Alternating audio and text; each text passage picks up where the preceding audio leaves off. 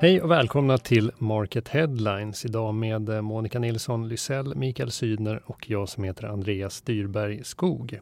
Veckans rubriker. H&M's techgeni ska ta sig närmare kunden, Jysktalangens mörka historia och eh, sista siffrorna från Mediamarkt. Två tunga intervjuer bland ämnena alltså, men jag eh, kan utlova att det är av vitt skilda slag. Börja med Monica, din intervju med Oskar Rundqvist eh, som är ansvarig för H&M's digitala kundupplevelse blev veckans mest lästa artikel. Hur fick du upp ögonen för honom? Ja, han var en av talarna på Markets event Digital Retail och eh, en av dem som sa saker som fastnade hos mig. Så därför krokade mm. jag upp honom för en längre intervju till Market. Vad var det som fastnade?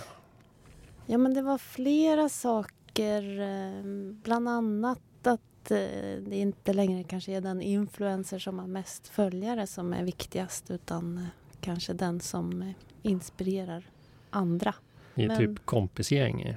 Ja, men faktiskt. Han pratade om att det finns ett värde där men det är väldigt svårt att och mäta det och ganska svårt mm. för retails att närma sig det. Ja, Men, och eh, kontrollera inte minst. Ja. Men H&M gör lite försök kring det där. Ja, hans arbete handlar väl mycket om att komma närmare kunden och tidigare i kundresan. Precis, tidigare i kundresan, alltså inte bara köpet utan allt det där som leder fram till köpet. Mm. Nu har H&M lanserat styleboards på några marknader som är en slags moodboard där man liksom kan plocka ihop outfits. Mm. Och även sociala funktioner, alltså man kan dela det där med andra Precis. användare. Precis, och då får man det där uh, värdeskapandet mellan vänner. Mm. De har också två appar som har koppling till H&M. En heter Sim och en heter Get Styles. Och jag har haft lite ögonen på dem där och liksom undrat varför H&M håller på med det. För mm. Den ena handlar om att eh, digitalisera sin garderob och den andra handlar om second hand outfits och jag har tänkt att ingen handlar om att köpa hm kläder så varför gör okay. H&M det? Men i och med det som Oskar pratade om så, så blir det mer logiskt att mm. de försöker finnas där i allt det vi gör innan vi köper saker. Ja, han drar ju själv paralleller till uh, Instagram och TikTok. Va? Var det i samband med Styleboard specifikt? Eller? Ja, och det där gör väl många. Jag, jag kände igen lite sen också när ICA kom med sin framtidsrapport här nyligen att mm. eh, alla vill liksom hålla kvar kunden eh, i hela resan. Att bli en plattform där, där människor finns och interagerar och eh, där man också kan liksom se vad är det vi gillar och, och anpassa sin, sin sajt eller sin app så att den blir ännu mer relevant för användaren. Styleboards, var det en eh, integrerad funktion i H&M's app alltså? Precis, Styleboards finns i appen mm. vad jag förstår. Jag är ingen expert på det här. det är många appar man ska hålla reda på när man ska interagera med sina vänner. Först ska man vara på TikTok och Instagram och nu ska man vara i H&M's app och dela moodboards också. Får väl se om det där leder H&M närmare kunderna. Ska vi gå vidare till eh, nästa intervju? Verkligen inte en vanlig marketintervju det handlar om. Eh, Khaled Sedki, han är chef inte bara för en utan två Jysk-butiker. Men eh, det är inte direkt det som gör honom speciell utan snarare resan fram dit. Eh, Mikael Sydner har intervjuat honom och eh, ställer fram samma fråga till dig som till Monica. Hur eh, fick du upp ögonen för Khaled?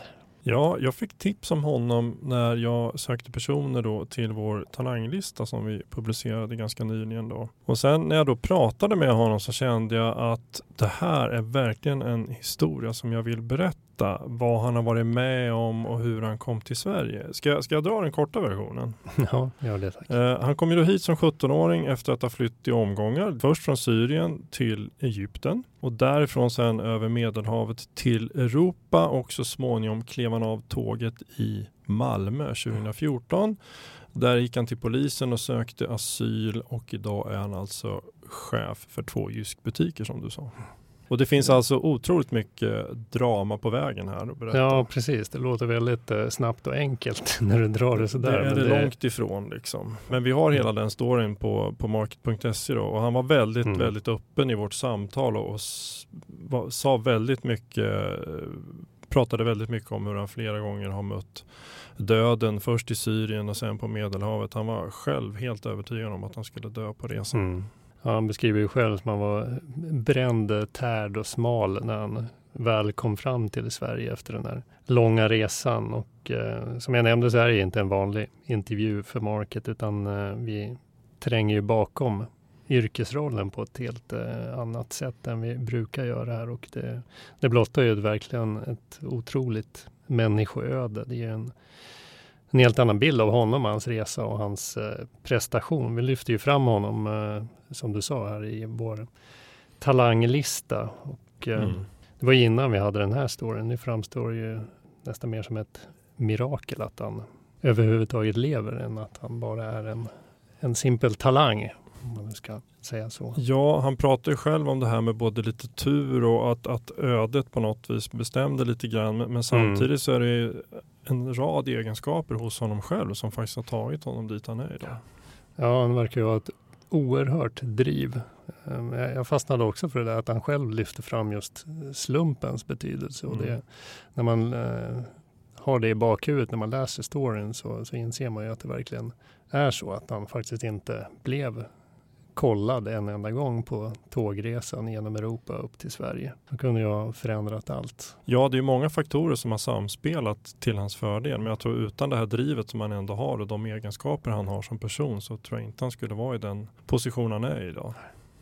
Jag fastnade för eh, hur han rekryterades till Jysk som också var slump och eh, talang i kombination. Mm. Ja, det är ett jättebra exempel eftersom han då innan kom till Jysk jobbade extra i flera dagligvarubutiker och det var han, när han under en dag på jobbet där som eh, den dåvarande distriktschefen på, där han jobbade på Jysk var inne och handlade som vilken kund som helst. Fick upp ögonen för Khaled såg att aha, det här var en kille som säljer på ett helt på ett ganska ovanligt sätt för att vara i en dagligvarubutik. Det var var där det började. Han fick, var, var inne och såg flera gånger dessutom hur han pratade med honom och så vidare. Och till slut så, så ja, det blev en rekrytering helt enkelt. På den vägen är det. Slumpen kan leda långt. Har, har slumpen haft någon inverkan på era karriär?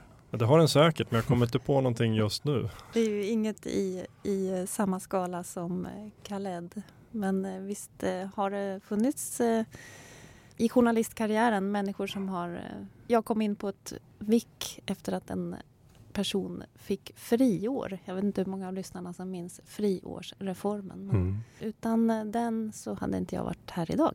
Det finns många spännande stories som sagt i intervjun med Khaled så in och läs om ni inte har gjort det redan.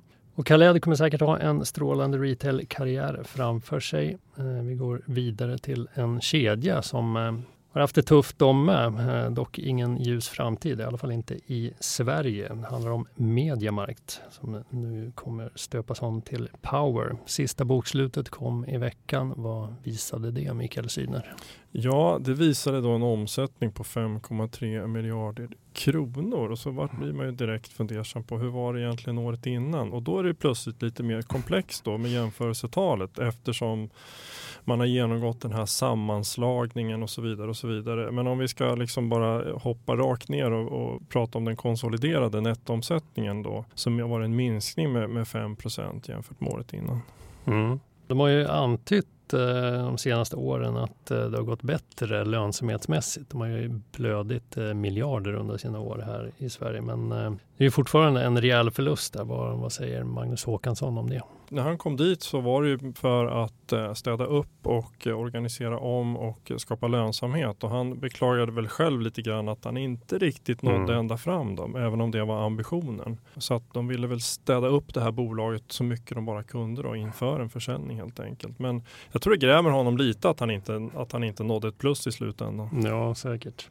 Kikar man i eh, Seconomys senaste kvartalsrapport så framgår det att eh, tappet fortsatte även under det kvartalet. Eh, Mediamark ska bli power bestämt i augusti sa du va? Ja, precis. Då tar de över verksamheten. Mm. Vad hände med Magnus Håkansson då? Ja, han skulle först och främst ha någon semester och sen så ville han gärna fortsätta jobba med liknande uppdrag.